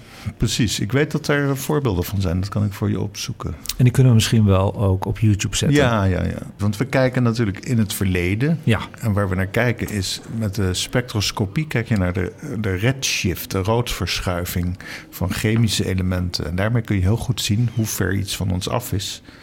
En als we dat vergelijken met sterren in de achtergrond, kun je ook nog zeggen van dit beweegt misschien wel van ons af of naar ons toe. Oké. Daar valt heel veel over te zeggen met spectroscopie.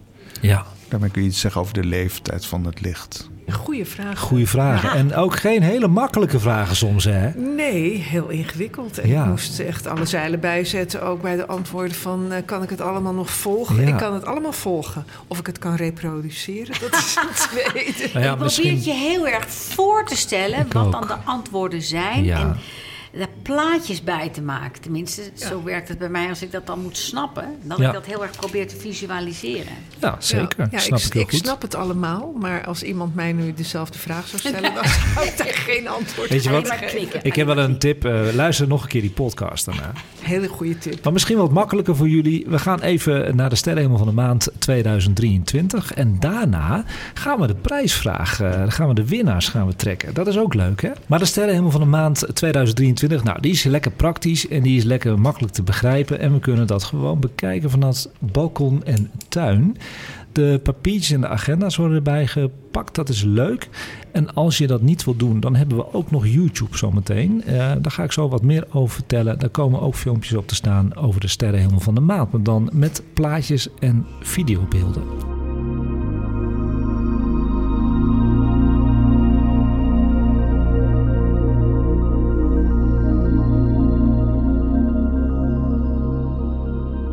Voor nu, de planeten. Deze maand kunnen we met het blote oog maar naar drie planeten kijken. Dat is heel weinig. Nou, welke zijn dus niet waarneembaar? Jupiter, jongens, die is niet waarneembaar. Mercurius, niet waarneembaar. Uranus en Neptunus, door de telescoop, niet waarneembaar. En na de mooie avondverschijning van Mercurius afgelopen april... is het kleine planeetje pas weer een beetje gunstig zichtbaar aan de ochtendhemel in september. En wie niet kan wachten op Jupiter... en die komt in de vroege ochtendhemel in juni aan de hemel, kan als hardcore astronomie specialist proberen op 17 mei overdag deze planeet te spotten. En hoe doe je dat? Dat is heel speciaal. Dit komt omdat Jupiter dan heel dicht ten westen van de smalle maansikkel staat. En die kun je wel overdag spotten, hè, de maan. Dus als je de maansikkel onder hele gunstige omstandigheden, dus helder, rustig weer kan vinden, rond 16 uur in de middag, rond 4 uur in de middag, dan is het dus mogelijk om Jupiter ernaast te zien staan. Dat is nogmaals voor de hele ervaren waarnemer. Met telescoop of verrekijker of via astrofotografie. Dat is voor de ongeduldige mensen zoals ik. Beter te spotten zijn de volgende drie planeten, jongens. Saturnus kun je waarnemen aan de zuidoostelijke ochtendhemel. Vind je het lastig Saturnus te spotten? Bekijk de geringde planeet dan op 13 mei links boven de maan en 14 mei rechts boven de maan. En doe dit liefst rond 5 uur in de ochtend. Dan hebben we Mars, die is nog steeds 's avonds zichtbaar. Ik geloof dat iedereen die wel eens spot nog steeds. Hè? De rode planeet gaat aan het einde van de maand voor 2 uur onder. En op 22, 23 en 24 mei zie je een hele mooie samenstand van Mars met Venus en de maan. Deze drie hemellichamen staan samen in een blikveld van maar 15 graden, dus lekker dicht bij elkaar aan de hemel. Bekijk dit het liefst rond 11 uur s'avonds. Venus, ja, daar hebben we het over gehad. Hè? Begin van de uitzending is deze maand het langste zichtbaar in de avond. Wel tot 1 uur na middernacht in het noordwesten. Haar fase is nu ongeveer op de helft en de gesluide wolkenplaneet heeft nu een magnitude van min 4,2, maar ze is nog steeds niet op haar helderst. Dat gebeurt deze zomer met een magnitude van maar liefst min 4,5. Mega helder. Nou, wat valt er nog meer te zien aan de hemel in mei? Je kunt proberen een hele super smalle maansikkel te spotten. Het is een rustige maand, maar heel veel amateurastronomen vinden het super spannend om de allereerste glimp van een jonge maansikkel te spotten, net na nieuwe maan. Dit kun je ook zelf proberen.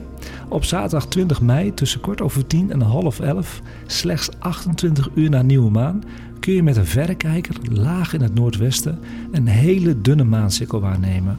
Hoog boven de maan zie je overigens wel de heldere Venus. Dus probeer dat eens. Zaterdag 20 mei. Ja, en die hele nieuwe maansikkel heeft ook te maken met dat het suikerfeest is. Dat is eh, als de nieuwe maan Ja, te klopt. zien is, Ja. dan is de Ramadan voorbij. En dan is het suikerfeest. Ja. Tot zover de hoogtepunten van de sterrenhemel van mei 2023.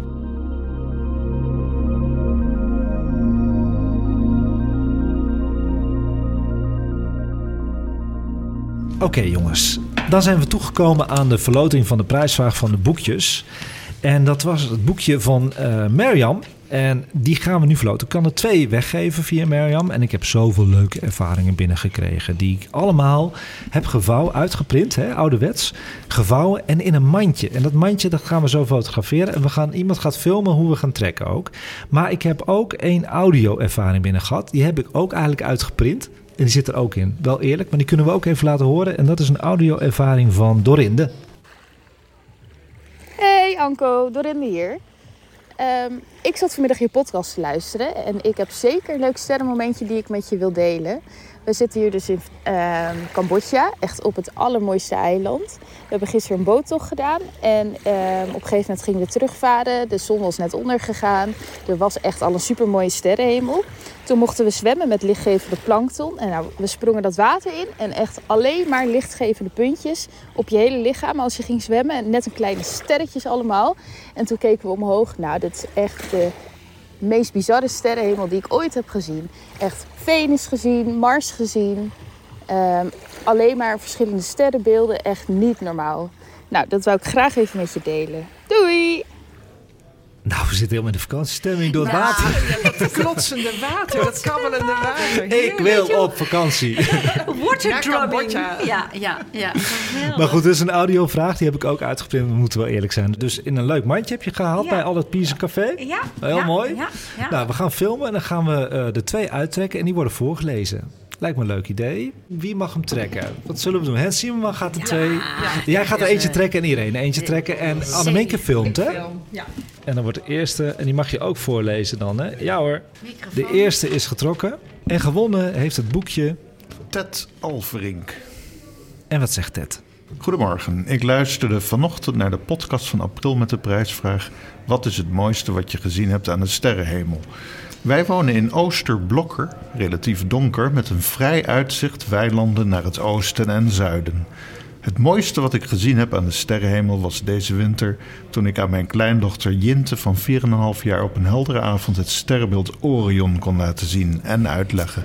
We hebben de Skyview app erbij gehaald om het te duiden met beelden. Goed, Ted Alverink. Nou, dat is toch een leuke ervaring. Goed hoor. Ted. Ja, de tweede, die mag eh, Irene doen en voorlezen. Ja, dat is. Nou, jongens, het is echt... Het is echt Wat dan? Het is Dorinde. Dorinde, Dorinde met de audiovraag. Ja, nou, het is echt waar. Ik dacht lekker weinig tekst voor te lezen, maar dat is eh, helemaal goed. Echt. Een mand vol Het vragen. is op beeld. Dorinde, gefeliciteerd met je audiovraag. Gefeliciteerd Dorinde. En, eh, wat een heerlijke watergolfje. Was heel fijn. De rest van de mensen die hebben ingestuurd, hartelijk dank.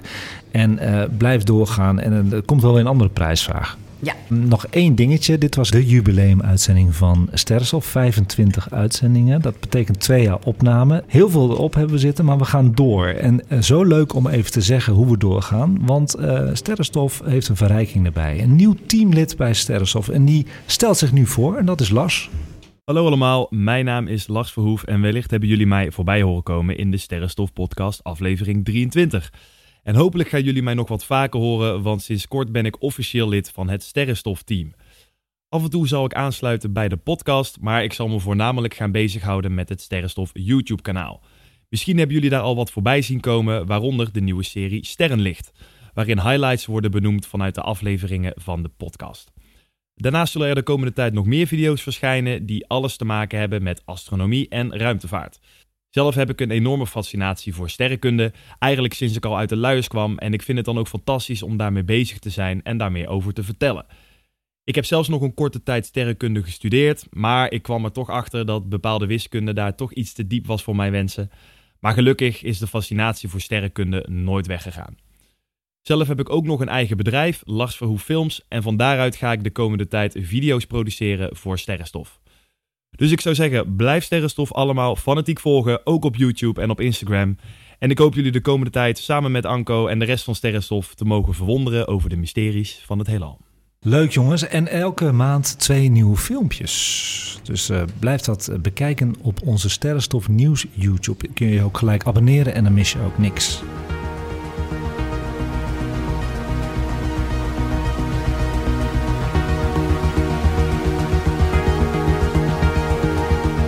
En tot zover Sterrenstof live vanuit het Allerpiece te Amsterdam. Je kunt mij mailen voor vragen, opmerkingen en tips over astronomie en ruimtevaart op sterrenstofnieuws.gmail.com. En je kunt Sterrenstof natuurlijk ook vinden op Instagram en YouTube. Volg ons op Sterrenstof Nieuws.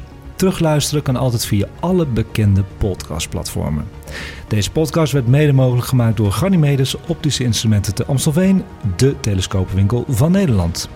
En dankjewel Abe, Anne, Minke, Hens en Irene voor de medewerking van deze leerzame en gezellige aflevering weer. De techniek was in handen van Erik en de heerlijke koffie werd weer verzorgd door het café Allet Pierson. En iedereen bedankt voor het luisteren en voor het anoniem doneren aan onze Sterrenstof pot. Dat waarderen wij enorm. Tot de volgende keer weer en kijk eens wat vaker omhoog.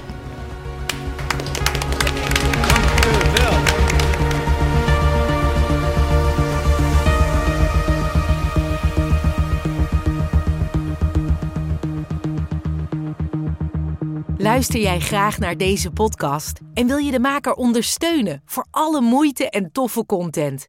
Geef dan, als je wat kan missen, een digitale fooi. Dat doe je via fooiepot met een d.com zonder abonnement of het achterlaten van privégegevens. Dus fooiepot met een d.com.